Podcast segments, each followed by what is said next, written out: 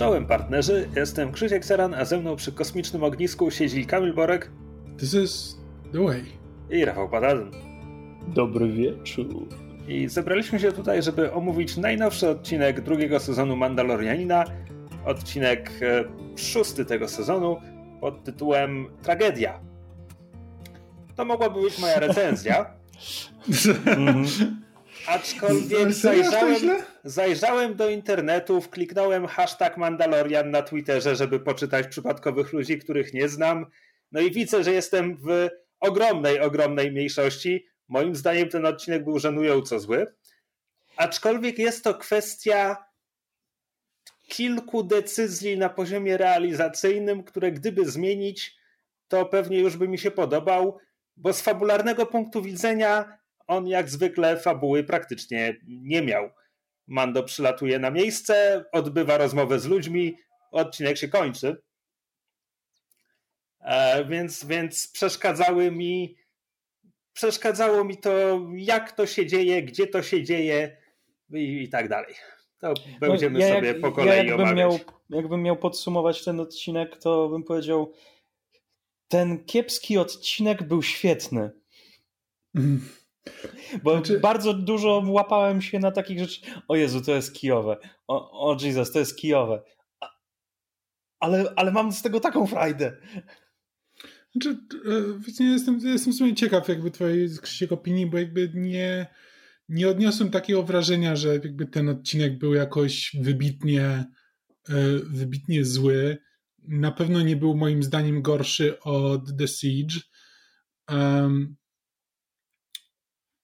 Natomiast jakby rzeczywiście jest w nim trochę takiego e, takich seriali lat 90. E, w tym, jakby w tym odcinku bardziej e, jakby znaczy, jak na niego spojrzysz, jednym z moich argumentów będzie to, że wszystko w tym odcinku dzieje się, opiera się na logice dramaturgii, a nie na logice logicznej co zwykle mi nie przeszkadza w momencie, gdy jakby ja nie mam problemów, jeśli trzeba przymknąć oko na logikę i tak dalej, jeśli wychodzi z tego coś fajnego, jeśli akcja mnie porwie, jeśli lubię postaci i tak dalej. Tutaj nie było niczego z tych, z tych rzeczy, które zwykle pozwalają mi być ślepym na takie rzeczy, więc patrzyłem tylko i miałem takie, ale to no durne to i nielogiczne i. No mówię, zaczniemy sobie. No tak, dojdziemy do tego.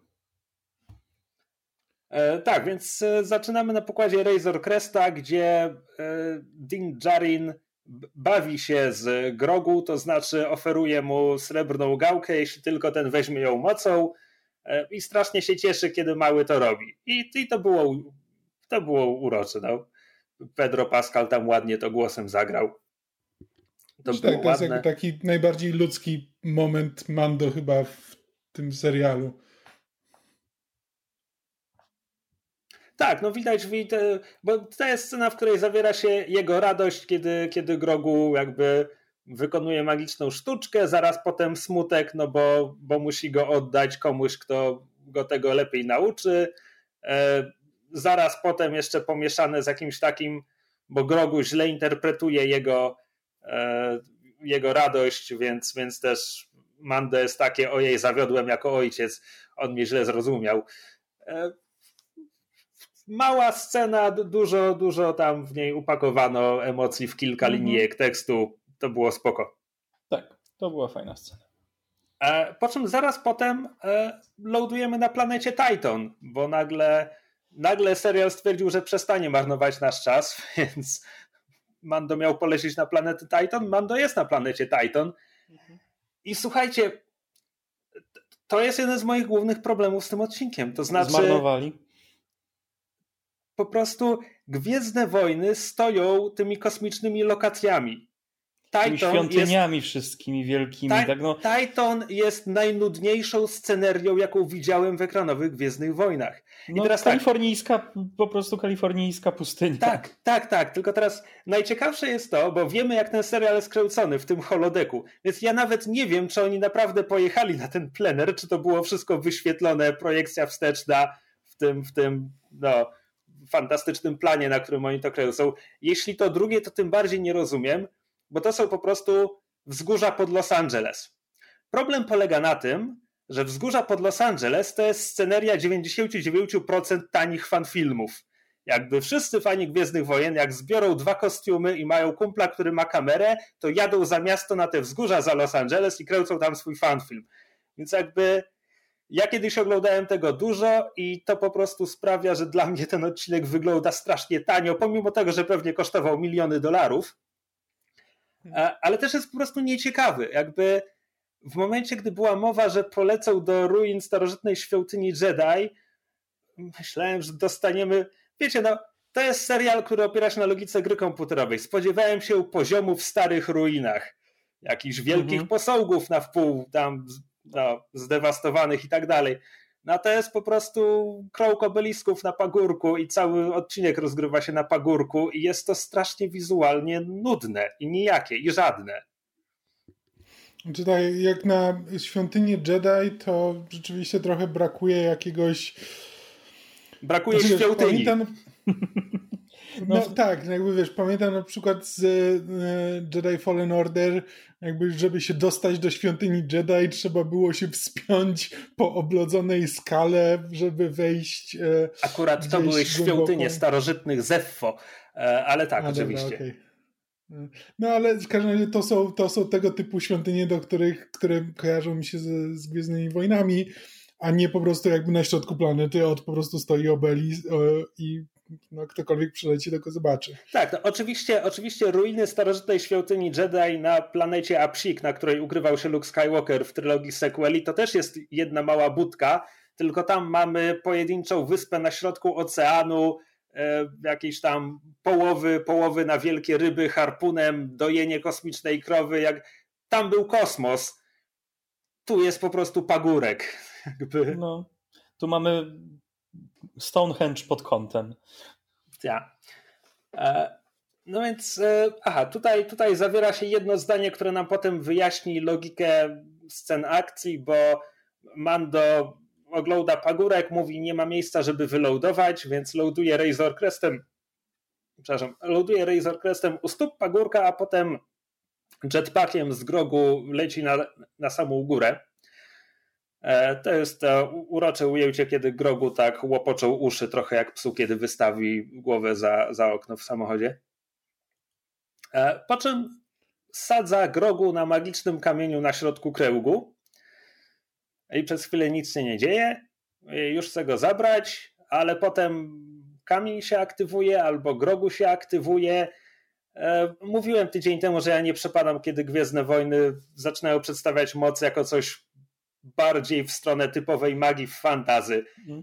No więc no. kolumna światła i świecące się runy na kamieniu to jest trochę to, o czym mówiłem tydzień temu. Na, na początku nic się nie działo, bo Bluetooth musiał im się sparować. No. Mhm.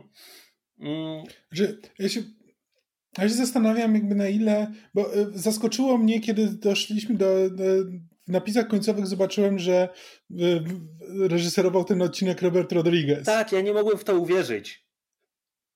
I jakby i to by sporo tłumaczyło na temat tego, jak ten, jak ten odcinek wygląda, bo jakby Robert Rodriguez nie stroni od sztuczności jakby w tym, co robi. Jakby jego filmy zawsze wyglądają sztucznie. E... Ale dla mnie ten odcinek nie wyglądał. Ja nie zarzucam mu, że hmm. wyglądał sztucznie. To nie jest mój zarzut. Dla mnie on był nieciekawy wizualnie. Znaczy, tak, tylko że właśnie. To jest w sumie fascynujące, bo jakby, bo Rodriguez, że znaczy wiesz, no znowu wchodzimy w to, jakby czym jest reżyser przy filmie, a czym jest reżyser przy serialu. Więc jakby zakładam, że Rodriguez nie miał tutaj aż takiego wpływu na to, jak ten odcinek będzie wyglądał, ale też po prostu on zazwyczaj bardzo, bardzo mocno korzysta z, e, e, z efektów specjalnych.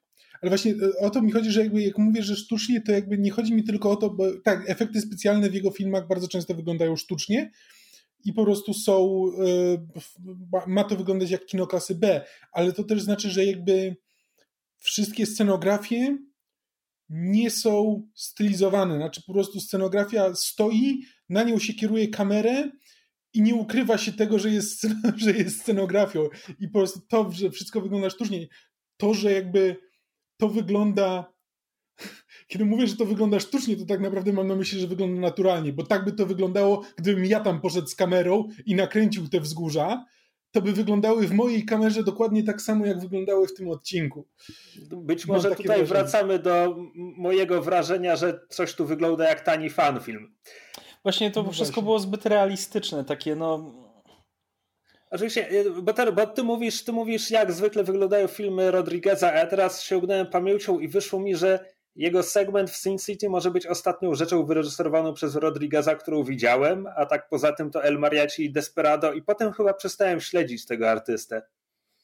Ja któregoś Machete oglądałem, możliwe, że to było jego. Znaczy tak, ja oglądałem na pewno Machete, no i też jakby kojarzę nawet, nawet trailery do jego filmów, jakby wiem po prostu jak wyglądają, jakby widziałem ostatnio widzieliśmy e, Boże Spy Kids i tam Lava Shark, Sharki, tak, agenci z rekinami i lawą, nie wiem, nie pamiętam jak się to nazywa, ale jest ten sequel do Małych Agentów, czy nie do Małych Agentów, czy do czegoś tam jeszcze.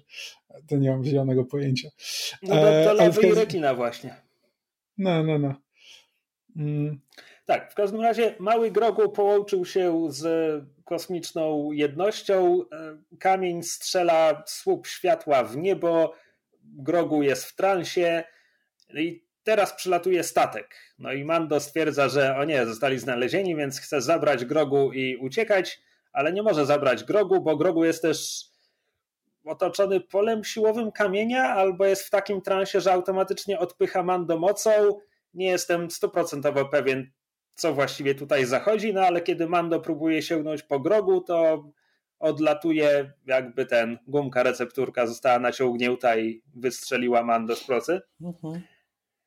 Teraz tak, co wywołuje to zamieszanie? Zamieszanie wywołuje nadlatujący statek. Ten statek to oczywiście patrolowiec typu Fire Spray i kiedy ja to zobaczyłem, to jeszcze miałem nadzieję, że ten odcinek będzie próbował nas czymś zaskoczyć. W sensie pokazuje nam tutaj kultowy model patrolowca Fire Spray zdany z Imperium kontratakuje, więc pomyślałem sobie, aha, więc wszyscy będą się spodziewać Boby Fetta, a tak naprawdę wyjdzie z tego statku kto inny. Nie, nie. Więc... No, jest bardzo daleko idące jakiś ten, znaczy biorąc pod uwagę, że widzieliśmy już Boba Fetta wcześniej. Zaraz powiem. Zaraz, tak, ale zaraz powiem czemu. W każdym razie, więc, więc Mando stwierdza, ok, skoro nie może zabrać Grogu, no to on się zajmie tymi nieproszonymi gośćmi, żeby Grogu mógł skończyć to, co zaczął, cokolwiek to jest. Mando skrada się między kamieniami, ale to skradanie przerywa salwa blasterowa, która tam zmusza go do przycupnięcia za kamieniem, a zaraz potem Boba Fett nawiązuje negocjacje. Jakby serial nam, od tego momentu serial nam nie próbuje, znaczy, chciałem powiedzieć, nie próbuje ukrywać. No dobra, jak pokazali nam Fire Spraya, który okazał się być statkiem Slave One, to w zasadzie w ogóle serial nie próbuje tego ukrywać, to ja miałem nie wiadomo jakie nadzieje. Więc po prostu wychodzi Boba Fett e, w tym samym stroju, w którym widzieliśmy go w pierwszym odcinku, czyli czarna szata, kij gafi na plecach i tak dalej. I mówi, że no zasadniczo chce negocjować. Że przyszedł, przyszedł po swoje. E, Mando mówi, że nie odda mu dziecka. E, na co Boba mówi, ale ja przyszedłem po zbroję. Na co Mando mówi, będziesz ją musiał zdjąć z mojego trupa. Na co Boba mówi, ale ja przyszedłem po swoją zbroję, tę upaku, tę, którą masz na statku. I zaczyna się negocjacja. Negocjacja polega na tym, że Boba dodaje, że ma tutaj kumpla snajpera e, i ten kumpel snajper rozwali grogu, jeśli Mando cokolwiek zrobi. Teraz kamera się przenosi, żeby pokazać nam ukrytego kumpla snajpera, który jest o 8 metrów dalej na kamieniu, ale Mando go nie zauważył. Tak, I, leży w zupełnie widocznej lokalizacji. Tak. E, no i jest to, jest to Fennec Shantz, która wcale nie zginęła w pierwszym sezonie. No co jakby było tam zwiastowane, tak, bo tajemnicza postać do niej podchodziła. No więc tajemnicza postać była Bobą Fettem, który ocalił ją od Znaczy, odcinek nam powiedział dosłownie, że ona już nie żyje chyba i zresztą Mando teraz to powtarza, że, że przecież nie żyła, no ale okazuje się, że jak w The Princess Bride była tylko w większości martwa i wystarczyło, że Boba Fett wepchnął jej kable do brzucha, e, bo Fenek kilka nawet kilka, kilka zdejmuj, zdejmuje sobie płytkę z brzucha, żeby pokazać, że w środku jest teraz cyborgiem. Jakie kiszki marsza grają.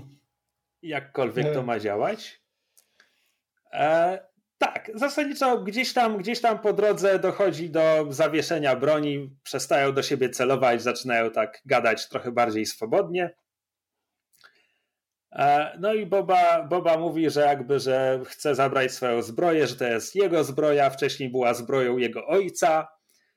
E, zresztą po drodze nam jeszcze cytuje, cytuje Django, kiedy przedstawia się Mando słowami jestem tylko prostym człowiekiem, który tam próbuje wieść życie w galaktyce czy cokolwiek. Nie pamiętam polskiego tłumaczenia.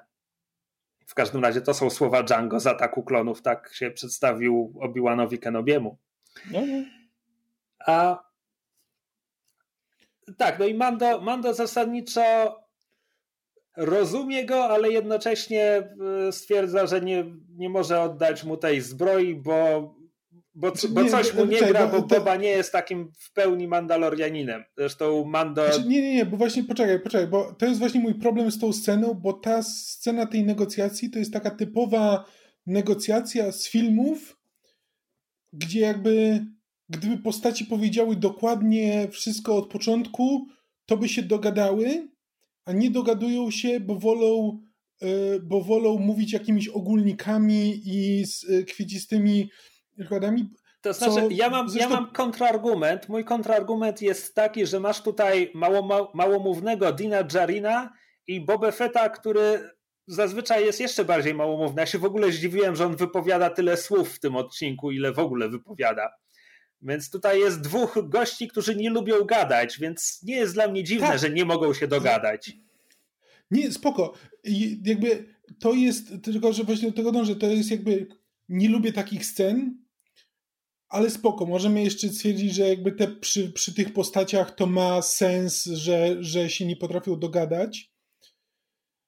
Gdyby nie to, że jakby to, co ostatecznie jakby przekon- że jakby na koniec jakby Django Fett wypowiada dokładnie te Boba. słowa, które powinien e, Tfu, Boba Fett wypowiada dokładnie te słowa, które powinien był wypowiedzieć na początku, żeby w ogóle tej dyskusji nie było, e, bo to nie jest tak, że e, że Mando nie dostał żadnych nowych informacji, ale po prostu przez to, co przeżyli razem, stwierdził, że okej, okay, jest mu tyle to znaczy, winny. Tylko zobacz, zobacz, tak naprawdę Boba na koniec powtarza to, co powiedział teraz, jakby to jest moja zbroja, wcześniej była zbroją mojego ojca i to, i to jest zakodowane tu w numerze holograficznym, numerze seryjnym. Popatrz, to ja, a to mój tata on to wszystko powiedział wcześniej. To jest moja zbroja, wcześniej była zbroją mojego ojca, tylko nie miał pod ręką swojej zbroi, żeby to pokazać.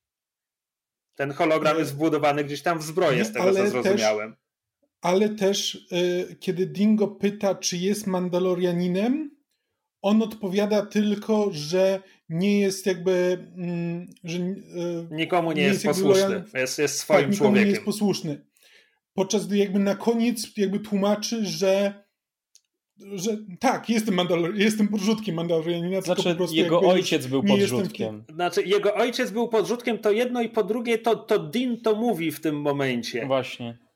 E, I tutaj wracamy do kwestii, którą rozpatrywaliśmy w pierwszym sezonie, a o której ja się nie potrafiłem wypowiedzieć w pełni, to znaczy kanonicznie wciąż do końca nie rozumiem, jaki jest mandaloriański status Django Fetta i mam, mam wręcz wrażenie, że to jak Dean mówi w tym odcinku, wie, aha, więc twój ojciec był tym foundlingiem, że to jest jego nadinterpretacja. Hmm. Możliwe. Okay. Byłem przekonany, że on powiedział to o nim, a nie o jego ojcu. E, ale to mogłem, mogłem coś. No, nie, nie, coś bo Boba Fett nie może być foundlingiem. Jego ojciec doskonale wiedział, kim on no tak. jest i opiekował się nim, dopóki nie zginął. To jakby Hmm. Okej, okay, mhm. okej. Okay. Jedno co, jedna z pier, pierwsza rzecz, która mi zrobiła taki mały what the fuck, e, było właśnie mniej więcej w tej scenie, jak okej, okay, trzymają się na muszce, mają Mexican standoff i okej, okay, opuszczamy broń. Ty opuść, y, ty opuść snajperkę, ty zdejmij jetpack. Tak, bo kurde, jetpack to jest największe zagrożenie w tym momencie dla, dla Boby i no ten, dla snajperki. Ten jetpack jest też wyrzutnią rakiet, być może Bobie Ale blaster chodzi... nadal ma w, w, kaburze. No. Może Bobie chodziło o to, żeby Dean mu nie, nie zwiał w tym momencie. Jakby ostatecznie. Czy my to, dobrze że... wiemy o co chodzi? Da, tak, dobrze wiemy. To żądanie jest tutaj tylko po to, żeby w finale jakby brak jetpacka był dramatyczny. Ale tak, zgadzam się, że to było, to było dość dziwne. W każdym razie negocjacje nie zostają jeszcze zakończone, gdy przylatuje imperialny transportowiec no i tutaj Boba deklaruje, że, że oni pomogą mu ochronić dziecko i wtedy w zamian Dean odda im jego zbroję. Na co Dean swoją drogą, cytując poprzedni odcinek, Dean się na nic nie zgadza, ale zasadniczo ten układ zostaje zawarty pomimo tego. Um, pominęliśmy, pominęliśmy, że Fennec Shand uratowana przez Bobę jest teraz w pełni oddana Bobie i ślepo posłuszna i w ogóle. Okej. Okay nie sprawiała wrażenia takiej osoby w poprzednim sezonie, ale PAL 6, no. czego się właściwie o niej dowiedzieliśmy, że dobrze strzela i nic więcej. Wiesz, trochę metalu w brzuchu zmienia człowieka. Na pewno. E, z transportowca e, z transportowca wysypują się szturmowcy i jak to zwykle szturmowcy w Gwiezdnych Wojnach e, zaczynają seryjnie ginąć. E, koszeni przez Boba Fetta i Fennec Shand, podczas gdy Din Djarin biegnie na pagórek po grogu. Jedna rzecz, oni owszem zaczynają seryjnie ginąć, ale naprawdę wydawało mi się, że w tym transportowcu, no to że było ich trochę mniej, że, że ten transportowiec jest w stanie pomieścić mniej niż ich rzeczywiście tam zaczęło umierać. Bo ten transportowiec wyglądał jakby miał, nie wiem, pojemność takiego, nie wiem, Fiata Ducato czy coś w tym tak, stylu. Tak. To, to, to transportowiec pełen klaunów po prostu. znaczy tak. E... Ja myślę, że 6 do 10 maksymalnie tam, tam będzie tych szturmowców, a tam kurde nie wiem, z 20 ich Dla z tego mnie... jednego wyszło. Dla mnie te sceny akcji są bardzo mieszane. To znaczy, e, Dean Jarin jakby biegnie po grogu, nie będzie w stanie go zebrać, bo wciąż to pole siłowe albo sam grogu będą odpychać, więc on tu zaraz wróci, ale zasadniczo w pierwszej walce nie bierze udziału przez to. A, a Fenek i Boba się rozdzielają. I Boba będzie tutaj ninją, który wyłania się z zakamienia, żeby pyknąć kolejnych szturmowców laską Gafi e, w kask. Te sceny są spoko. Jakby ja tutaj jakiś... byłem naprawdę podjarany tą, tymi scenami. On tak, Nie, tak jest, zagrał jest to, to. Jest to jakiś po, po, pomysł, że jak pokazać, że, czemu Boba Fett jest bardzo groźny, no bo okej, okay, no, jest, jest, Batmanem zasadniczo. W tej scenie jest tak, Batmanem. Ja przez całe te sceny potrzebuje... miałem banana na gębie. Tak, on potrzebuje pałki, żeby, żeby pokonać jakby szturmowców, a jeśli dostanie zbroję, to już jest, to, to wtedy jest jakby pełnym Batmanem ale to nie znaczy, że bez niej jest nikim. E, tak, tymczasem Fenek Shant e, no, sytuuje się gdzieś na podwyższeniu i jak to snajperzy mają zwyczaju, zaczyna odstrzeliwać kolejnych szturmowców. I tutaj mamy, przede wszystkim mamy dowódcę tego oddziału szturmowców, który wydaje polecenie, jego podwładny mówi mu nie, nie, nie, to zły pomysł, dowódca mówi zrób to, jego podwładny robi to i ginie. Więc e, jakby imperialny łańcuch dowodzenia jak zwykle ma się dobrze. Mamy przebitkę na szturmowca z granatnikiem i to po prostu parsknąłem śmiechem, bo jakby ja wiem, że pojedynki kosmicznych myśliwców w Gwiezdnych Wojnach to są pojedynki dwupłatowców ze starych filmów wojennych, które lubił George Lucas, jeśli chodzi o fizykę i tak dalej, jak to wszystko wygląda. Ale jednak dawanie granatnika to po prostu, to, to po prostu była tak topornie anachroniczna broń dla mnie. Czy w sensie moździerza? Moździerza, moździerza tak, o to mi, tak, to jest słowo, słowo którego mi zabrakło. Ale, było, ale te granaty się trochę świeciły. Jakby, jakby ci szturmowcy zatrzymali się u jakiejś grupy, wiesz, tych no, e, rekonstruktorów, którzy, którzy nie wiem, no walki na froncie wschodnim odtwarzają. Nie wiem, co to było. Po prostu było to dla mnie absurdalne, ale to jest detal, nie powinienem się na tym skupiać. E, więc może. Nie, dla, to, dla mnie to było jakby trzyma się konsekwentnie jakby z pewnej konwencji Gwiezdnych Wojen. Jakby. Cy, cytując Ale, pewnego nie. mądrego człowieka, gdybyśmy się tutaj nie skupiali i nie czepiali detali, to by nie było odcinków. Tak, prawda. E, w związku z czym skupię się na tym, że kilku szturmowców e, montuje ten e, szybkostrzelny, ciężki karabin blasterowy. Czy to był model E-Web znany z Imperium kontratakuje? Tego nie wiem. Wyglądał na tyle podobnie, że mogę go nazywać E-Webem. I to, to w końcu jest broń, która sprawia trudności Fennec Shand. I kiedy mówiłem o logice dramatur dramaturgii i wydarzeń, Fennec Shand ucieka przed E-Webem szczytem skalnej tak. grani. I to jakby, ale to nawet jest nakręcone tak, że dobrze widać, że gdyby ona tam zeskoczyła, tak. to by się za nią schowała, a ona biegnie tak. szczytem. To jest po prostu szkoła ucieczki z Prometeusza. I to nawet gorsza. E, co więcej, ona... Jakby o, o, tyle to jest gorsze jeszcze, że e, to jest ona w ten sposób się chowa, tylko że po prostu najpierw musi przebiec 50 metrów, żeby dopiero się schować za tą granią, mimo że mogła to zrobić w każdym momencie, ale tak. inaczej nie byłoby ucieczki. Tak, więc, więc to było idiotyczne. W każdym razie chwilę strzelania, potem Fennec Shand schowa się jeszcze za głazem, który przypadkiem jest obluzowany albo właśnie został obluzowany ostrzałem szturmowców. Więc mm, tutaj to mamy cytat. Właśnie Mortar, Mortar osłabił ten. Moździerz, możliwe. E, tu właśnie ma, e, tu z kolei mamy cytat chyba z Indiany Jonesa, bo ona się zapiera, przewraca tę skałę i ta skała zaczyna się potem rolować po szturmowcach i w końcu niszczy też e, sam, sam Iweb. Um, po drodze na pagórku Dean stwierdza, że nie jest w stanie ściągnąć grogu na dół, więc mówi mu, no dobrze, to ja ci tam kupię jeszcze trochę więcej czasu, a ty tutaj skończ. Po czym zbiega na dół, po czym grogu kończy dosłownie pół minuty później i teraz, biorąc pod uwagę, że kiedy Grogu był w transie, to w niebo strzelał słup światła, to znowu mam problem z logiką odcinka, że Dean nie zauważa, o, Grogu już skończył, to ja się jednak cofnę. Mhm. Bo to naprawdę jest tak, że on go zostawia, odbiega 15 metrów i Grogu kończy. Więc... No ale on ma hełm na, na głowie cały czas, więc nie widzi, co jest z tyłu. Pewnie masz rację. Tak, to w każdym razie tutaj, e, tutaj następuje logika z kolei gry komputerowej, bo nasi bohaterowie zabili już tylu szturmowców, że przylatuje drugi transportowiec wypełniony szturmowcami. Bo na orbicie czekali, no, aż wystrzelają cały pierwszy, żeby przysłać drugi. A Dean i Fennec Shant mają w pewnym momencie taki, takie ładne zgranie, komiksowy team-up, kiedy stają ramię w ramię, plecy w plecy e, i Dean jeszcze swoją własną zbroją zasłania Fennec Shant i, i w ten sposób eliminują kolejne nie wiem, lekką ręką powiem 50 szturmowców, bo nie liczyłem już w tym momencie. Fennec Shant miała naprawdę wypasioną snajperę, bo zazwyczaj snajpery są wolnostrzelne i ciężko na krótkie dystanse nimi walczyć, a ona no, po prostu... To jest laserowa, laserowa szczelba. Kosmos. E, znaczy, mnie bardziej, wiesz, mnie bardziej jakby... W, znaczy, to jest typowa jakby walka z ten...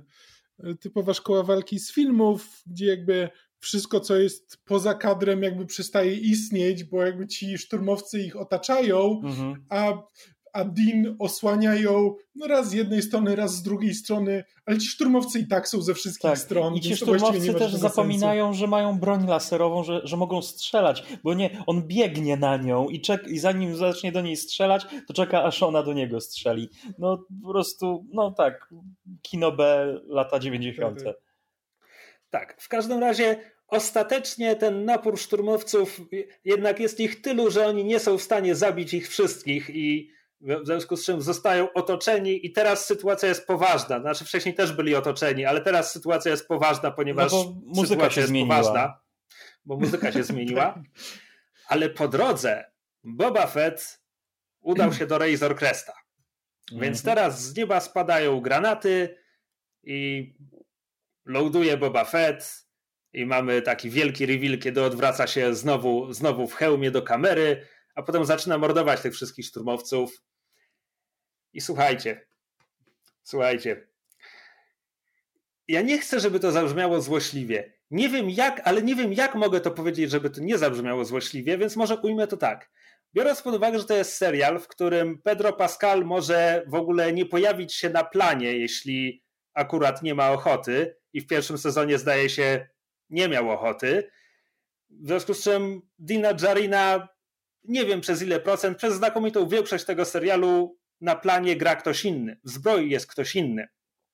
Temuera Morrison jako Boba Fett, kiedy dotąd go widzieliśmy, był w obszernej tuskeńskiej szacie. Była tak, to więc świetna tak. okazja, żeby kiedy założy zbroję, podmienić go na kaskadera. Ale nie. To ewidentnie jest Temuera Morrison, w związku z czym wielki powrót Boby Fetta wypada jak ten wujek na weselu, który wypadnie na parkiet i pokaże, że on jeszcze ma kocie ruchy. No bo przepraszam bardzo, ale on, on jednak ma ten brzuch, który się tam dość wyraźnie odznacza. I pamiętacie, pięć tygodni temu, kiedy pochwaliłem e, kostiumy i, i, i, rekwizyty, że zbroja Boba Fetta źle leży na kobie wancie, że widać, że to jest zbroja innego człowieka. Zbroja Boba Fetta źle leży na Boba Fecie. Ej, Boba Fett przybrał trochę przez te lata. No, Żyjąc jednak. 5 lat na pustyni? Czy on zjadł tego sarlaka? Na to wychodzi. Pewnie tak. O Boże. Słuchajcie, on po prostu swój ja, brzuszek teraz nazywa sarlak. Ja, ja nie chcę... Sadlak. Ja nie, nie chcę... Jakby...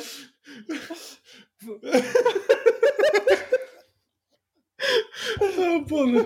Wpadł do jamy sadlaka.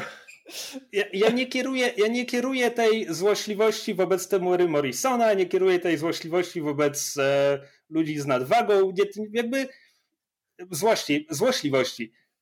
Po prostu chodzi mi o to, że nie rozumiem, jak widzę zachwyty tym odcinkiem w internecie na zasadzie wow, Boba Fett pozabijał ich wszystkich i tak dalej. Czy myśmy obejrzeli inny odcinek? No tak, Boba Fett pozabijał tych wszystkich szturmowców, wyglądając przy tym strasznie, strasznie komicznie. Ja nie potrafię na poważnie obejrzeć tych scen. A kiedy jeszcze mamy zbliżenie nie, ale... na kolano i on strzela rakietami z kolana, to jest już parodia jakaś. No, ej, mi też kolana strzelają. ale, ale nie tak, żeby pozabijać postronnych szturmowców. Nie było szturmowców dookoła mnie nigdy, więc nie wiem, czy by mi się nie udało. Znaczy, nie też, znaczy już czepiając się, czepiając się absolutnie jakby szczegółów takich, ten, ten, znaczy to po prostu to jest zbroja, która leżała przez kilkadziesiąt lat na pustyni, potem leżała w e, jak się nazywa ten pojazd jawów? Sandcrawler. Na Sandcrawlerze. No, nie, przyjąć polską nazwę. Piaskoczołg, właśnie, na piaskoczołgu jawów. E, później ją kupił Cobb Van, który jest po prostu kolesiem. Z, e, z, i wiesz, jakoś nie, bo, trochę. No, tak, i, ale wiesz, ale, ale tutaj Boba jak ją zakłada, to ma pełen arsenał po prostu wszystkich rzeczy, które widzieliśmy kiedykolwiek na ekranie, plus jeszcze ko, rakiety w kolanie. E, I wszystko, wszystko działa, wszystko jest uzbrojone, wszystko ma amunicję. E, I tak, no okej, okay, no dobrze. I teraz tak, Spoko. mam jeszcze jeden już jeśli chodzi o samą dramaturgię tej sceny, ja rozumiem, że to ma być wow, wielki powrót Boby Fetta na, na ekrany. Jakby pal że Boba Fett w tych filmach, w których był, nie zrobił absolutnie nic, co jakby dawało mu tę pozycję największego twardziela w galaktyce, ale pal 6, ja wiem, że fani go za takiego uważają. Ale kocie ruchy nadal ma, dobre Gankata odstawił. No. no tak, tak. E, natomiast no, on przylatuje tutaj, żeby pozabijać kilkunastu szturmowców. Super! Nasi bohaterowie też to zrobili w tym odcinku wielokrotnie. Jakby to nie jest dla mnie żaden wyznacznik jego tego, jakim jest twardzielem i badasem i w ogóle, no bo to są szturmowcy. Oni są w Gwiezdnych Wojnach od tego, żeby ginąć masowo na ekranie. Hmm. Teraz. E, albo dobra, co, co się dzieje dalej? E, pozabijał, po, pozabijał szturmowców, e, loaduje i kolejność wydarzeń mi się w tym momencie miesza, bo nie pamiętam, czy najpierw mamy przebitkę na Mofa Gideona na orbicie, który pyta, czy Dark Trooperzy już weszli do akcji i dostaje odpowiedź za chwilę, proszę pana. To czy najpierw, najpierw jest bombardowanie? Najpierw jest bombardowanie. Najpierw, było najpierw jest bombardowanie. Więc tutaj mamy pada wystrzał. Kamil? Nie, bo jest jeszcze, jest jeszcze ta ładna scena, kiedy e, A, nie wspomnieliśmy chyba o tym, kiedy Boba Fett e, e, rozwala te transportowce, kiedy szturmowcy ten uciekają z planety. E, bo, to jest, bo to jest ładny manewr. Oczywiście e, kompletnie zrujnowany, najbardziej kliszowatym zgranym i niepotrzebnym żartem o tym, że celował w ten drugi co jakby nie jestem, nie wiem po co jest, po co jest ta kwestia, którą słyszeliśmy 100 tysięcy razy w najgorszych możliwych filmach. Nigdy nie jest zabawna i zawsze, zawsze rozwala e, jakikolwiek poczucie jakby dramaturgii, czy tego, czy dokonania, czy jakiegoś wyzwania, przed którym stali e, bohaterowie, e, szczególnie tutaj. Mnie bawi. Okej. Okay. Po prostu mam, mam, mam tak dosyć. Po prostu, Spoko. Nie, ja po prostu już mam dosyć tej kwestii. Jakby w, szczególnie kiedy. Wiesz, to jest spoko, kiedy to jest jakaś komedyjka, w której te kwestie mówi ktoś, kto na przykład nigdy nie miał pistoletu w ręku i wiesz, i strzelił, yy, i wystrzelił i no i wtedy możemy się możemy się pobawić w to, że okej, okay, no próbowałem strzelić, ale mi nie wyszło, ale wyszło mi lepiej niż, niż chciałem. Spoko, wtedy jest w porządku ale kiedy jakby mówimy o postaci takiej jak Boba Fett, to jakby nie wiem po co to jest w ogóle. No jakoś nie, nie, nie, nie rozumiem tego. Tak, tutaj jest, Co nie zmienia faktu, że jakby sam manewr jest bardzo fajny. I jakby no pewnie, rozwalił dwa transportowce dobrze. jedną rakietą. To, to jest mhm. osiągnięcie. E, tak, po czym e, chmury rozbłyskują na czerwono i to jest bardzo ładne, że mija chwila nasi bohaterowie mają czas podnieść głowy i żeby zobaczyć, co się dzieje, bo ten bombardowanie z orbity działem laserowym, lasery, jak wiadomo, lecą tak z prędkością co najwyżej dźwięku. E, I, I ta wiązka z turbolasera rozwala Razor Cresta i niszczy go Och, doszczętnie. Nie, o jaka Słuchaj, to, szkoda. To, to Razor Crest jest chyba najlepiej rozwiniętą postacią w tym serialu, więc ale, tam ale, żal. Ale bądźmy szczerzy, trochę słabo wyglądającym statkiem jest. Nie, nie miał, za, nie miał za dużo okay. Cool faktora w sobie. No, no okay. znaczy, nie ma cool faktora, ale ja, ja, go za to lubię, bo to jest taki właśnie statek, te, taki statek a la Firefly, gdzie jakby po prostu e, trzeba go trochę fajnie składać. wyglądał. Firefly, znaczy, okay, Firefly, Firefly ma miał fajny design. Serenity ma bardziej udziwniony kadłub, ale ale, ale, ale te dwa silniki po bokach bardzo podobne do Razor Crestowych. No. Znaczy, chodzi mi o to, znaczy, on mi się podoba w teorii, może niekoniecznie jakby w tym serialu, a ja lubię takie statki, które są zasadniczo takimi kosmicznymi ciężarówkami, że po prostu widzisz, że on po prostu ma jakiś cel, on do czegoś służy, a nie tylko do tego, żeby wyglądać fajnie. Tak, Jakby lubię znowu, zazwyczaj takie statki. Mam, mam problem, żeby nazywać go kosmiczną ciężarówką w momencie, gdy widzieliśmy, że Din Djarin jest w stanie wygrywać nią pojedynki myśliwskie z TIE Fighterami. To no tak, wtedy tak, to się trochę kłóci. Dlatego mówię, że jakby w tym serialu to trochę nie działa, po prostu mówię tak ogólnie, że po prostu design takich statków, które właśnie przypominają mi kosmiczne ciężarówki mi się podoba. Nie to, że w tym serialu on jest kosmiczną ciężarówką, bo nie jest. Jasne. E, no tak, więc Razor Crest uległ zniszczeniu, a tymczasem Dark Trooperzy wchodzą do akcji, bo oto z orbity lecą cztery czarne Ironmany. Właśnie, też, właśnie też uprawiasz kwestię. No. okazuje, się, okazuje się, że się totalnie pomyliłem te dwa tygodnie temu, kiedy mieliśmy reveal Gideona i żełdy czegoś. Ja myślałem, że to są żołnierze, których on chce no, chce im wstrzyknąć midi-chloriany od małego jody, ale nie, to, to właśnie to, to już wtedy widzieliśmy Dark Trooperów. E, Dark Trooperzy są z gry komputerowej oryginalnie, są z pierwszego Star Wars Dark Forces, debiutu Kyla Katarna. Tam by, był to projekt generała jakiegoś tam. I były trzy fazy Dark Trooperów faza pierwsza, faza druga, faza trzecia. E, zasadniczo chodzi o to, że są to imperialne droidy bojowe. Humanoidalne, imperialne droidy bojowe, przy czym faza pierwsza była trochę bardziej oszczędna, bardziej taka, takie metalowe szkielety. E, faza druga, wydaje mi się, że to jest to, co widzimy tutaj w serialu, a przynajmniej to, co widzimy w serialu, najbardziej przypomina fazę drugą. Faza trzecia była jeszcze bardziej obudowana i zdaje się, E, to może być jakiś trop na przyszłość. Z tego, co przeczytałem w internecie, bo nie ukrywam, ja nigdy nie zaszedłem daleko w Dark Forces, E, faza trzecia może, może działać sama jako droid, ale też ktoś może do niej wejść i pilotować jak egzoszkielet. Co, o czym wspominam, jakby nie zdziwcie się, jeśli Giancarlo Esposito wyjdzie z czegoś takiego w ósmym odcinku. Skoro mhm. już się inspirują ewidentnie Dark Forces. E, więc tak, więc w starym kanonie Kyle Katarn rozwalił ten projekt i wszystkie prototypy i człowieka, który za to odpowiadał. W nowym kanonie Kyla Katarna na razie ani widu, ani słychu, ale Giancarlo Esposito ma swój projekt Dark Trooper. No i takie cztery Dark Troopery loadują na pagórku, biorą grogu i odlatują. I to był ich udział w tym odcinku. Ta. Ale przynajmniej się zaprezentowały groźnie.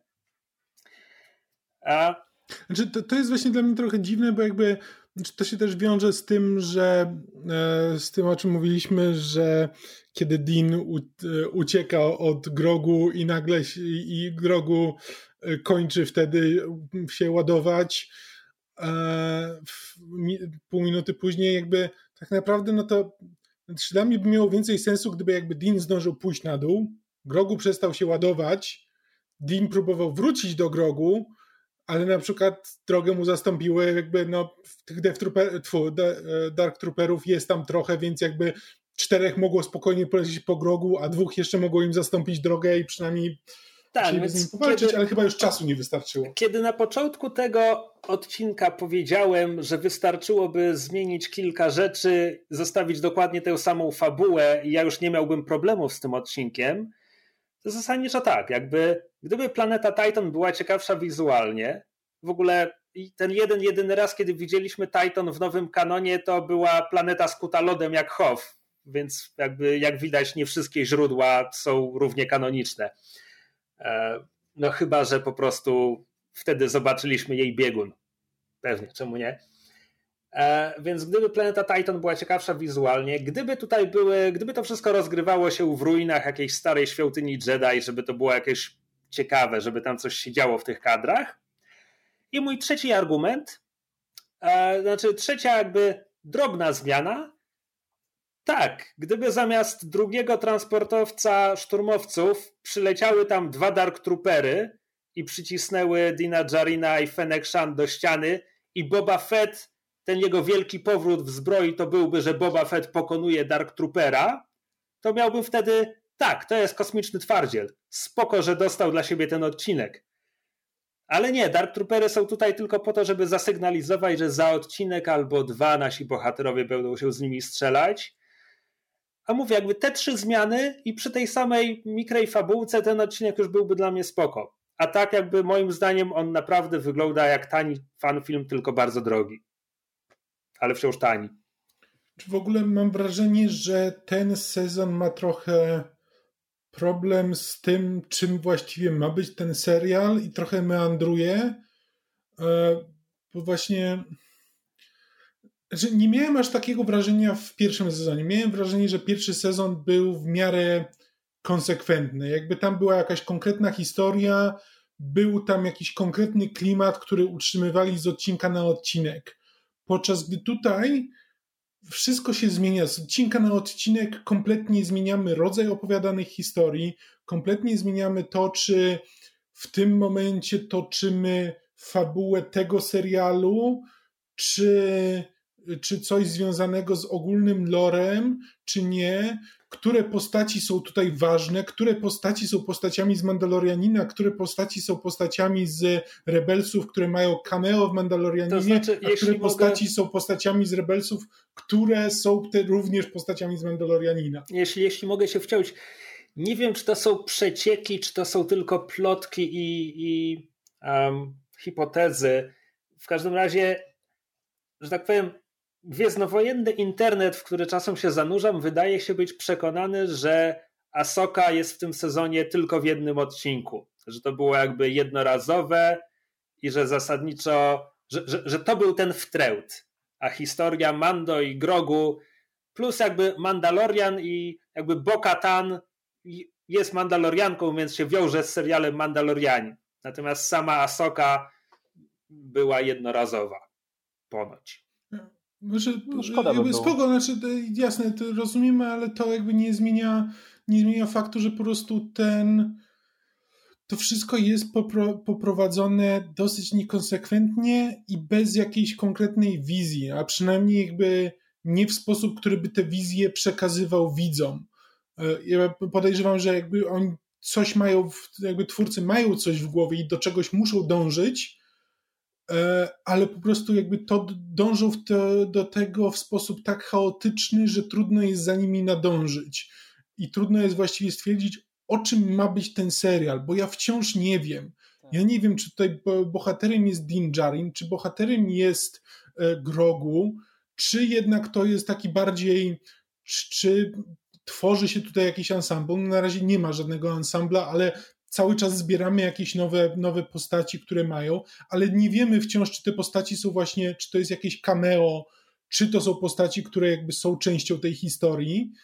E, I to jest to, jest to, co, to, co mi w okay. tym sezonie najbardziej nie leży. Mam ma, ma wrażenie, że nadmiernie komplikujesz. To jest sezon o Dinie Jarinie i jego małym zielonym dziecku, którzy co tydzień przeżywają nową przygodę, zwykle z nowymi znajomymi, a czasem wracają do starych. To, to jest ten serial. Tym jest ten serial.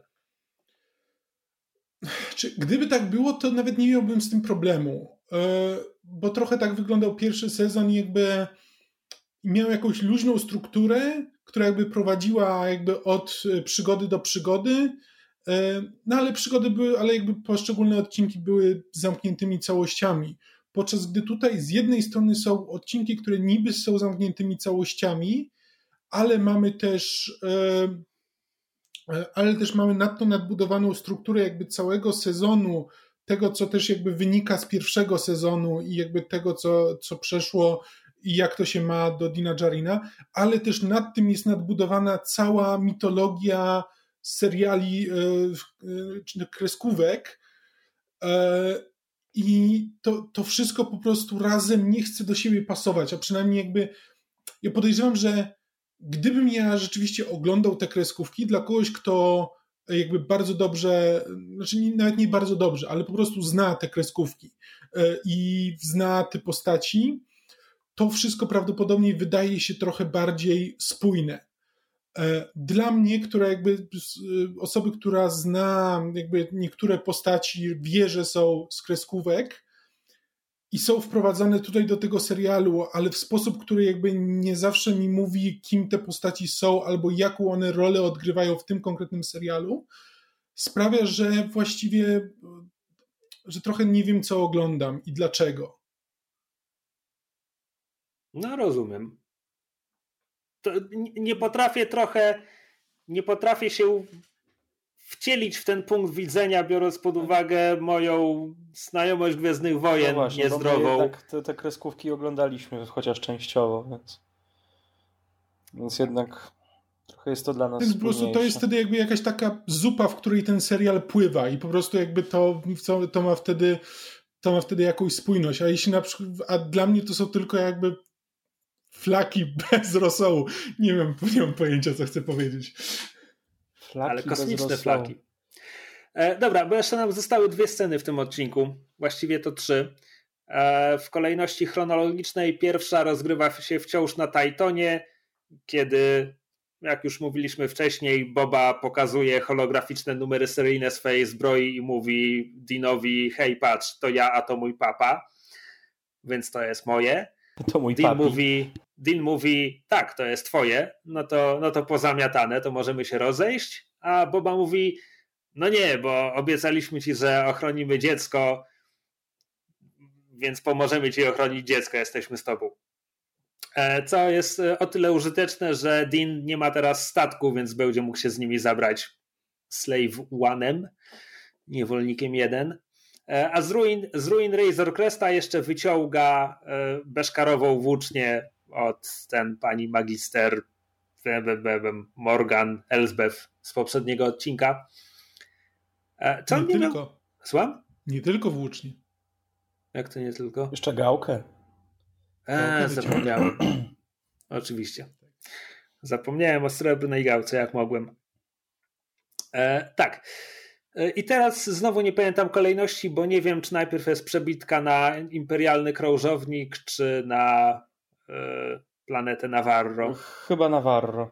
Chyba Navarro. E, jeszcze po drodze jest scena, gdzie Boba w Slave'ie leci za Dark Trooperami. Przez chwilę chce je zestrzelić, ale Mando każe mu przestać, żeby nie skrzywdził dziecka, więc Boba tylko leci za nimi, żeby zobaczyć dokąd lecą. To jest reveal dla nich, że imperialne droidy bojowe lecą na imperialny statek i Boba wtedy mówi Imperium wróciło, bo tych 80 szturmowców mu niczego nie zasugerowało wcześniej. Znaczy, właśnie też tego nie zrozumiałem, bo jakby on wiedział, że walczy, z, że ma do czynienia z Imperium, znaczy no, z resztkami Imperium, jeszcze kiedy pracował dla, nie wiem jak się nazywała ta postać, e, I would like to see the baby. Ale ty teraz, e, ale ty mówisz o Dinie, a to, to Boba mówi Imperium wróciło. Okay, okay. I wciąż jest to hmm. dziwne w momencie, gdy dopiero zastrzelał się ze szturmowcami, więc mhm. jakby późno połączył fakty. I to wszyscy byli w, w, pięknych, białych, nowych zbrojach, a Prawda? nie jakichś tam wysłużonych, tak jak na Navarro w pierwszym sezonie, że to byli tacy ex ex ex-imperialni szturmowcy. Tak, no w każdym razie Znowu, technicznie rzecz biorąc, w tym momencie galaktyczna wojna domowa skończyła się 4 czy 5 lat wcześniej. Imperium zdaje się, że skapitulowało bezwarunkowo, więc e, no ale może to, że no. mają cały swój lekki krążownik go zaskoczyło, bo no, to, że Imperium to, sobie nawet, gdzieś tam...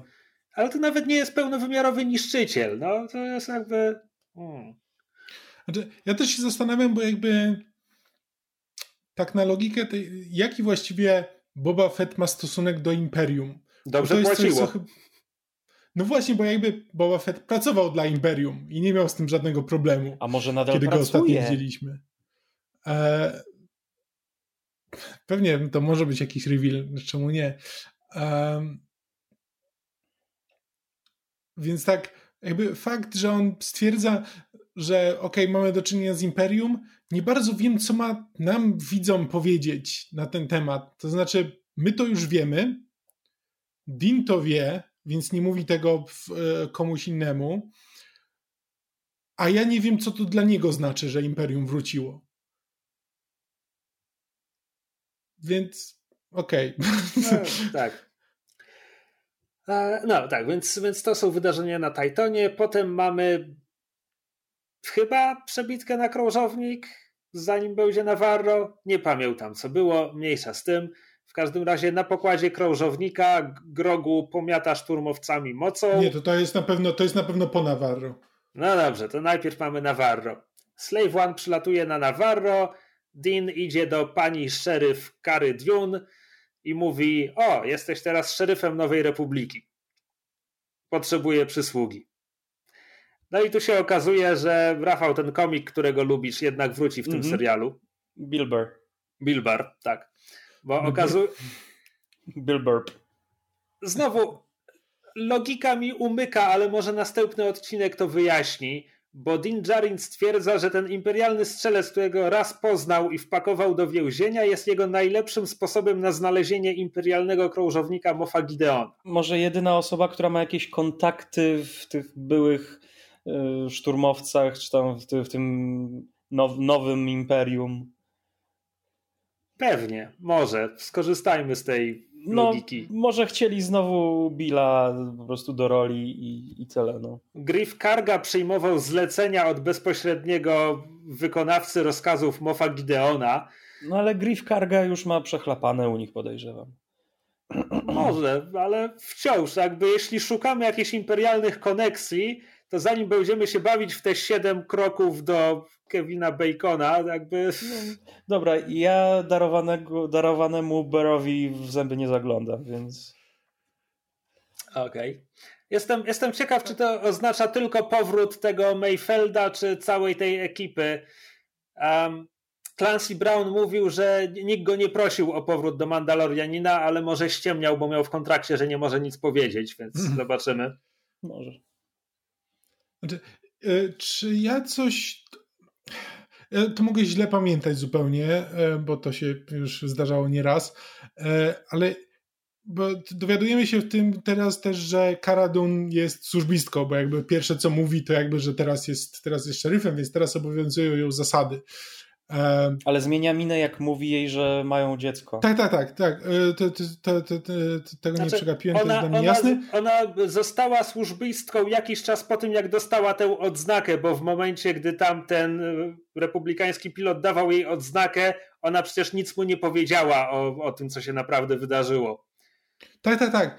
Tylko po prostu mam wrażenie, czy, czy Cara Dune coś nie mówiła na temat tego, że jakby ona przestała być rebeliantką po tym, jak właśnie jak się stworzyła Nowa Republika, bo jej te zasady nie pasowały i ten... A mam wrażenie, że nie chodziło o zasady, chodziło o to, że ona się ukrywała przed jakimiś prywatnymi wrogami, którzy mogli... Mhm. Ona z jakiegoś powodu ukrywała się na tym kosmicznym zadupiu z niebieskimi krewetkami. E, więc, więc... Znaczy tak, ukry... tak, ukrywała się, ale miałem wrażenie, że ona mówiła, że jakby, że ona odłączyła się od rebelii jakby w... E... To było rok temu, nie pamiętam. Bardziej powodów osobistych. No dlatego ja też nie pamiętam, a e, nie zdążyłem sprawdzić tego, wrócić do tego, więc nie, może ktoś z naszych słuchaczy będzie pamiętał. E... Znaczy znowu jakby widzieliśmy tę postać w co czterech, pięciu odcinkach dotąd już i też nigdy bym nie, o niej nie pomyślał, że ona będzie służbistką, mhm. ale PAL 6. No te, teraz ma pozycję, teraz obowiązują ją zasady, które i tak zaraz potem łamie, więc nie obowiązują jej. To bardziej zbiór wskazówek, więc mhm. spoko. A i czy oni naprawdę nie mają zamiaru poinformować Nowej Republiki, że Imperium działa na ich obszarze? Na ich terenie? To znaczy, akurat tutaj jest e, fajnie przedstawione. E, znowu, być może, być może, jeśli mamy zadawać sobie te pytania, być może potrzebowalibyśmy, żeby postaci o tym porozmawiały na ekranie, ale mamy bardzo wyraźnie zasugerowane, że zewnętrzne rubieże nominalnie podpadają pod terytorium Nowej Republiki, ale mieliśmy pokazane, jak wygląda władza Nowej Republiki. Władza Nowej Republiki to jest dwóch gości w X-Wingach, którzy są kosmicznymi policjantami dla nie wiadomo ilu planet. Co jest moim zdaniem, to akurat jest bardzo fajny, subtelny world building na zasadzie, tak, Nowa Republika, oni wygrali wojnę, kompletnie nie mają środków i narzędzi, żeby teraz rządzić galaktyką i zaprowadzać w niej porządek. To jest moim zdaniem spoko. Okej. Okay. No mi się wydaje, że gdyby informacje trafiły gdzieś tam wyżej, to, to mogliby wygospodarować trochę. To znaczy, okej, okay, no Kara Dune teraz jako szeryf Nowej Republiki, dawniej mm -hmm. żołnierz szturmowy rebelii i tak dalej, powinna teraz to przekazać wyżej. Ale to jej zmartwienie. Rozumiem, czemu Din Djarin te, tego nie robi. No okej. Okay. Dobra, no to teraz mamy... teraz Dinowi nawet nie zależy na samym imperium, tylko Dinowi zależy na tym, żeby odzyskać jakby dziecko, więc jakby on nie potrzebuje, żeby teraz Republika przypuszczała szturm na e, ten statek Gideona, bo jeszcze, bo jeszcze go zestrzeli czy coś. Więc jakby rozumiem, że tak, Dinowi tutaj to nie, nie jest po drodze. No więc teraz w końcu mamy ostatnią scenę odcinka, to znaczy Mow Gideon przechadza się korytarzami swojego okrętu, z oddali dobiegają krzyki szturmowców, Gideon wchodzi do celi i Grogu pomiata mocą paru szturmowców, poddusza ich, ale nie dusi ich do końca, tylko, tylko ich tam zderza w powietrzu, tak że jeszcze żyją, słyszymy jak stełkają, czyli nic im nie jest, nic im się nie stało. Luke Skywalker też dusił mocą, ale nie zabijał, więc to się nie liczy. A, ale się nie zaciągał. Prawda? Po czym, po czym Grogu robi się bardzo śpiący, tak jak widzieliśmy w poprzednim sezonie, że jak za dużo korzysta z mocy, to, to się robi senny. Więc Mow Gideon, Giancarlo Esposito, najstraszniejszy człowiek z najstraszniejszych ludzi, poświęca kolejne dwie minuty na grożenie niemowlęciu, bo ja nie wiem, co to jest. Nie wiem, czemu on odpala Darksabera i autentycznie, w sensie ja nie wiem, czy ta scena miała nam pokazać, że on jest straszny, czy że on jest nie wiem, co to było. Naprawdę nie wiem. Było to dla mnie po prostu bardzo dziwne. Znaczy, ja w ogóle się zastanawiam, jakby. Że tak, bo ta scena jest dziwna, właśnie biorąc pod uwagę, że to jest. że w Grogu jest tutaj przedstawiany jako praktycznie rzecz biorąc niemowlę. E, więc, więc nagle tak, konfrontacja z Mofem Gideonem jest absurdalna, e, bo to jakby nie są równorzędne postaci. I ja się przecież cały czas zastanawiam, czy ten serial ma zamiar zrobić jakiś. Znaczy, inaczej, zastanawiałem się nad tym wcześniej, czy ten serial nie ma zamiaru zrobić jakiegoś skoku czasowego, w którym jakby e, Grogu stanie się e, nastolatkiem od choćby, czy, czy cokolwiek, ale zacznie coś ogarniać. Ale my wiemy, że on tym niemowlęciem jest od co najmniej. Lat. Tak, właśnie, 50 lat. E, w związku z czym jakby gdyby chcieli zrobić skok czasowy, to żeby to miało ręce i nogi, no to no to Zawsze mogą powiedzieć, że gatunek jodów w 51 roku życia przechodzi gwałtowny, skokowy wzrost i rozwój. No tak, skok rozwojowy, tak jak, tak jak u, u dzieci ludzkich. Owszem, nie jest to przejście z niemowlęcia do nastolatka, no ale mamy jednak inną skalę tutaj przy, przy gatunku jodów. Alternatywnie, alternatywnie, no. ale to byłoby, nie wiem, czy to nie, nie kwalifikowało się by się jako skok przez rekina, bo jest jeszcze reveal na zasadzie, że on tylko udaje dziecko.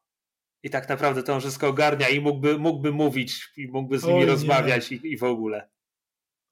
Oj nie, nie, nie. Znaczy, to by było... To, to nie przejdzie twoim zdaniem? To by, to by był taki ruch, że po prostu nie bardzo wiem jakby co dalej, co dalej z tym serialem zrobić, gdyby chcieli coś takiego zrobić.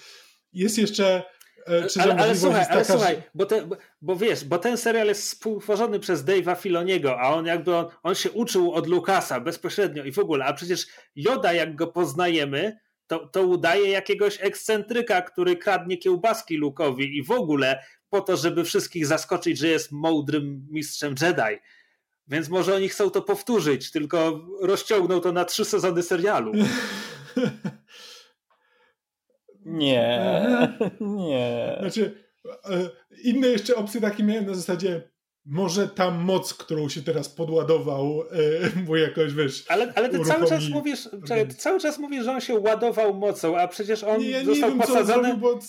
On został posadzony na kamieniu, bo miał sięgnąć mocą przez kosmos i zadecydować i albo, i albo dać alert Jedi przylećcie po mnie, albo zamknąć się w sobie i zrezygnować z tej ścieżki. O ile zrozumiał instrukcję od Asoki, bo tak naprawdę to cholera wie co zrobił. Znaczy tak, e, nie wiem, to, to jakby ja to nazywam ładowaniem, bo to po prostu jakby no, wygląda jakby tam siedział na kamieniu i się ładował bezprzewodowo po prostu. E, w, dlatego to nazywam ładowaniem, ale wiesz, ale diabli wiedzą, co się działo w, w tym czasie. E, w tym jego małym mózgu. Może dla niego to tak. trwało 50 lat kolejne. A? A? Zawsze gdzieś tam można jeszcze, możemy mieć jeszcze do czynienia z przeniesieniem świadomości do jakiegoś innego ciała. E, to też Właśnie może on, może on część swojej świadomości przeniósł gdzieś i jakby ogłupił się na te lata wszystkie, bo on jednak no, brał, był, brał udział w treningu Jedi, tak? Więc może on był już w pełni elokwentny czyli, i tak dalej. Czyli przekonałem cię, że będzie reveal, że on gada i w ogóle. Tak, i teraz bardzo chcę tego. nie wiem, zobaczymy. Znaczy, ha. Znaczy, powiem tak, że przed, nagra przed nagraniem teraz tak, obejrzałem ten odcinek i zasadniczo byłem do niego pozytywnie nastawiony. Znaczy, że zastanawiałem się właściwie, e, czemu ty, czemu ty tak go nie lubisz. E, ale jest coś, i nadal nie jestem w stanie stwierdzić, co konkretnie w tym odcinku jakby dla mnie nie działa, bo ogólnie jakby nie mam takiego wrażenia, że to był jakiś bardzo zły odcinek. Ale jak teraz tak o tym, teraz jak o tym tak gadamy, to z jakiegoś powodu ten odcinek wpłynął na moje postrzeganie całego serialu i zmienił je na gorsze. E, U mnie trochę jest podobnie, ale więc dzięki Krzysiek, zabiłeś w nas radość. Jest! Sukces! Zwycięstwo! Powoli przechodzimy na ciemną stronę mocy. Krzysiek nas tutaj urabia jak Palpatine. No po prostu jest fan, jest fan serwis i jest fan serwis i moim zdaniem tydzień temu mieliśmy fan serwis, który tak dał na pierwszy plan ulubioną postać reżysera odcinka i współproducenta serialu, ale jednak był w miarę w ryzach. W miarę. Ja, wciąż, ja wciąż nie wiem, jak ten odcinek odebrali ludzie, którzy nigdy wcześniej nie słyszeli o Asoce. A, tutaj mam wrażenie, że jesteśmy dużo bliżej fanserwisu w rodzaju Rise of the Skywalker, to znaczy, kiedy reżyser myśli sobie, dajmy im czego chcą, czego oni chcą, nie wiem, chcą Lando i flotylle statków, dajmy i to, i Wedge też tam będzie i będą strzelać. Jakby nie mówię, że ten odcinek był aż tak zły, ale jest dla mnie zdecydowanie bardziej z tej szkoły fanserwisu. E, natomiast, e, natomiast, bo omówiliśmy już ten odcinek, a ja chciałem wrócić. E, właściwie jedna kwestia, bo dla mnie ten Boba Fett, który się wyłania z tego odcinka i pierwszego odcinka tego sezonu, ta historia jest dla mnie strasznie dziurawa, bo to jest.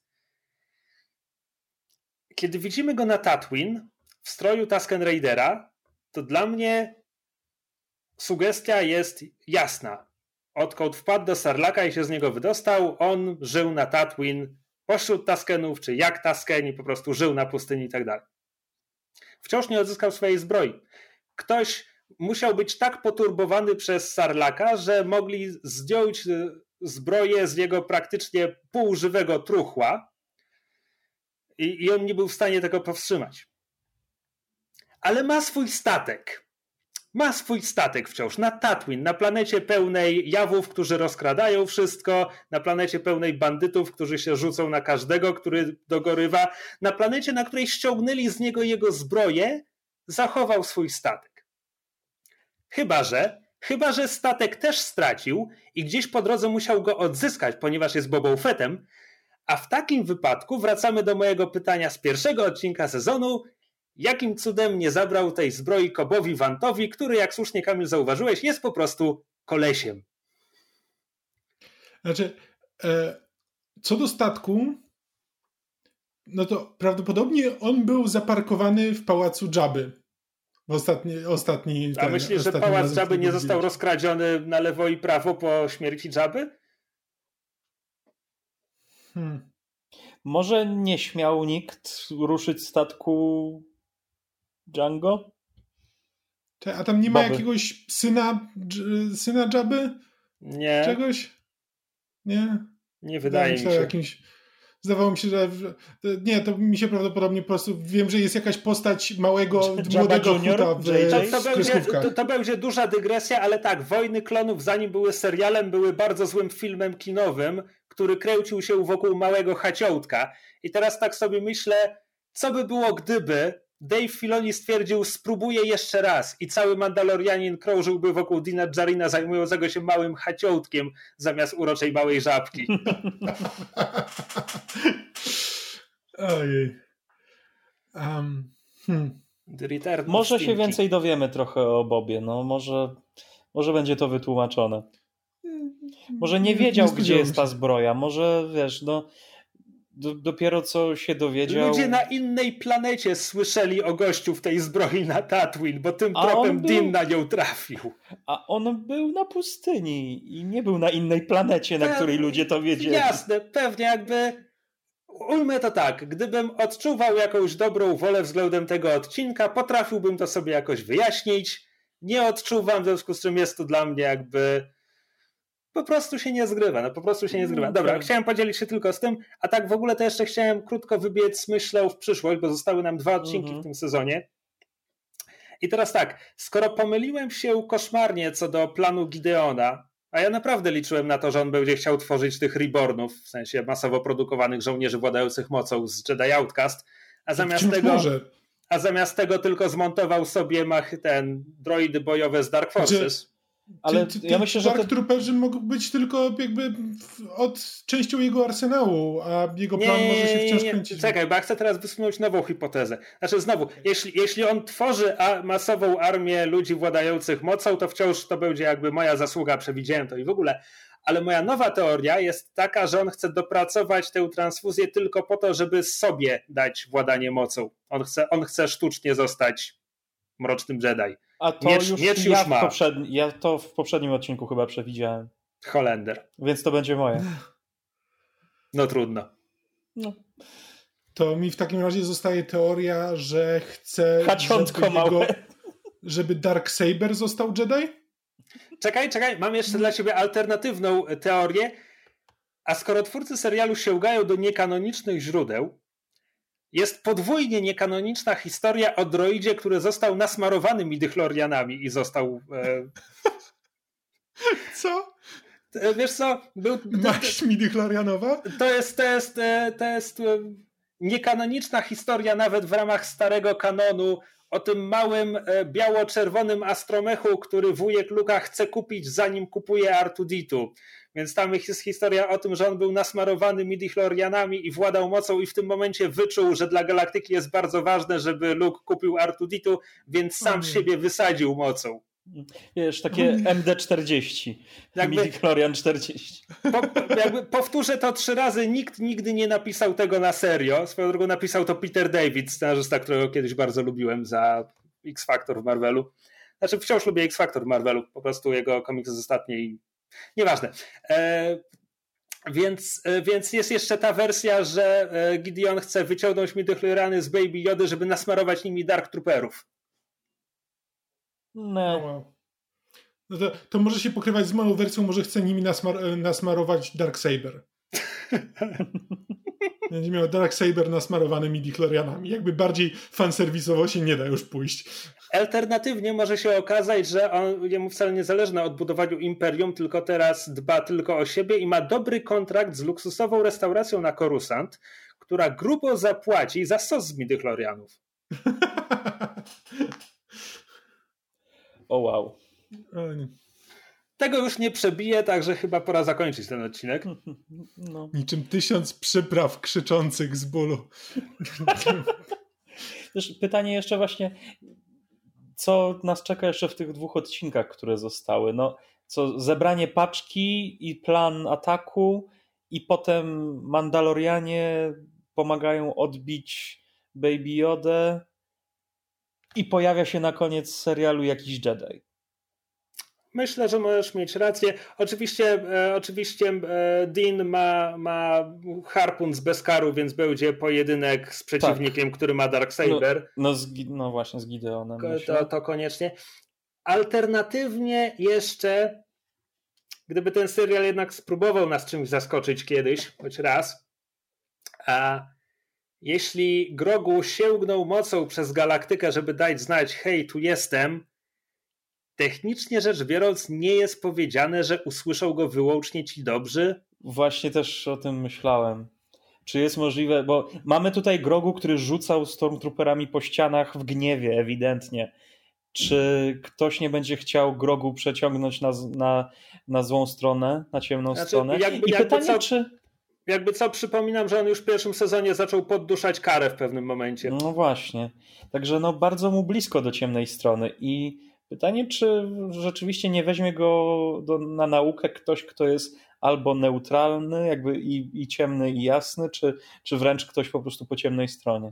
Tylko tak jak tydzień temu zastanawialiśmy się, jacy właściwie krążą teraz Jedi w kanonie, albo osoby na tyle blisko Jedi, żeby można ich tak nazwać, i w, tam wyszły trzy albo cztery kandydatury max naprawdę nie mam pojęcia, kto jest zły w aktualnym kanonie poza Palpatinem, który nie wiem, czy w tym momencie jest już wskrzeszony, czy nie jest wskrzeszony, czy jak to właściwie działa. Darth Maul? No nie, no Darth Maul... Nie, nie, Darth Maul umarł jak lub Darth Maul ostatecznie, ostatecznie A. umarł w końcu. A, okay, on, on, jeszcze żył w trakcie solo, ale umarł potem, przed Nową Nadzieją. Okay. To jest niezwiązane z zastanawianiem się, kto tutaj jest Mrocznym Jedi, e, ale czy Bo-Katan w kreskówkach była taką jednoznacznie pozytywną postacią? Ona zaczyna jako terrorystka z Deathwatchu, a Deathwatch obala legalne władze Mandaloru, natomiast potem odłącza się od Deathwatchu, kiedy oni zawierają sojusz z Molem i potem już cały czas walczy o wyzwolenie Mandaloru ze, ze złymi złymi. Więc Bokatan zaczynała jako w najlepszym wypadku mniej zła, no ale potem przez kolejne 20 lat ciągle walczyła ramię w ramię z dobrymi i lepszymi od siebie. Okay. Ja po prostu zastanawiałem się, czy na ile możliwa jest opcja, że jakby Bokatan, znaczy, że pokonają Gideona, Bo-Katan przejmie Darksaber jako ten symbol jakby władzy nad Mandalorem i jakby i ona stanie się, nie wiem, czymś w stylu złej władczyni Mandaloru, czy po prostu jakąś scenę, jakąś taką. E... Znaczy, to nie jest. Z jednej strony to nie jest wykluczone, z drugiej strony, no, Din należy do czegoś jeszcze bardziej ortodoksyjnego od Death Watchu, więc to też byłoby dziwne, gdyby. Znaczy po prostu zastanawiałem się, czy nie, czy nie mogłoby być jakiś konflikt pomiędzy jakby tą sektą Dina a e, zwolennikami Bogatan. No. Sekta Dina w większości jest wyrżnięta już chyba. To też prawda. Poza panią Kowalką. No ale, ale równie dobrze możemy się dowiedzieć, że tak naprawdę to była jakby jedna tak. część tej sekty, która była konkretnie na Navarro, znaczy, to, a tak, tylko gdzieś wtedy, tam jeszcze jest ich więcej. Wtedy masz, wtedy masz ten problem, że to już będą dwa sezony serialu i nagle musieliby ci wprowadzić postaci, na których miało być ci zależeć, bo jakby sekta Dina no jest pani Kowal, o której wiemy, że jest hmm. Kowal i tyle. Jeśli mieliby się z kimś bić, to to nie ma kto, nie ma komu, no. nie znamy nikogo. Dobra, hmm. teraz to już chyba naprawdę. Czy przyszli wszystko. wam do głowy jeszcze jacyś mroczni Jedi w międzyczasie? Nie. Hmm, nie bardzo. Asajj Ventress chyba ostatecznie zginęła w nowym kanonie, więc... A te, te siostry, te, te co były w... Z Datomiry? No. No one, Albo... one z... mało, mało ich przeżyło wojny klonów. W Fallen Order masz powiedziane, jak jest Meryl, to ona mówi, może nie jest powiedziane dosłownie, że jest ostatnią z sióstr nocy, ale wiele ich nie zostało na pewno. W każdym razie nie wiem, czy są jakieś, które są nazwanymi postaciami. Mi chodziło bardziej o to, to co było w, w grze ostatnio, te, te właśnie siódma siostra, któraś siostra. A, inkwizytorki. Inkwizytorki, tak. I, i inkwizytorzy, bo faceci też byli. E, wiesz co? Nigdy nie było powiedziane, że ta numeracja ma, ma jakiś sens ostateczny, w sensie, że siostra siódma z 44 czy coś takiego. Mogą po prostu wprowadzić nową postać, która byłaby inkwizytorem. Inkwizytorzy, którzy zostali nam przedstawieni, wydaje mi się, że wszyscy, których znaliśmy, zostali też zabici. Ale pewnie było ich więcej. No, ale to, to był, to myślę, byłby że... jakiś trop. Ale pytanie, czy by wprowadzali zupełnie nową postać w momencie, gdy robią tyle odniesień do postaci, które już znamy. Myślę, że prędzej by zaczerpnęli skądś. Ja, ja myślę, że albo Kala, albo, albo Ezrę spotkamy. Prędzej Ezrę. Albo Traun wróci z jakimś mrocznym Jedi, którego poznał na skraju wszechświata. O mój Boże, teraz... Jorus Sibow, nie mogę się doczekać. To, to, jest, to jest e, mroczny Jedi, e, który, którego Traun próbował wykorzystać, do, żeby pomógł mu w jego planach w oryginalnej trylogii Trauna. A tak naprawdę to był klonem prawdziwego Jedi, bo miał dwa U w imieniu i nie będę się w to zagłębiał. To już wszystko w tym tygodniu. Chętnie przywitamy Wasze komentarze i teorie na temat tego, czy Grogu, do czego Grogu jest Gideonowi, czy ma nim posmarować miecz, czy droidy, czy kanapkę. E, zostawiajcie nam komentarze, czy to pod tym filmem na YouTubie, albo ewentualnie na fanpage'u podsłuchane.pl na Facebooku. E, I co? Zachęcamy też do sięgania po sesję na podsłuchu. Bez żadnego związku z czymkolwiek, bo są dobre i warto. Mhm. Cześć! Na razie. Na razie.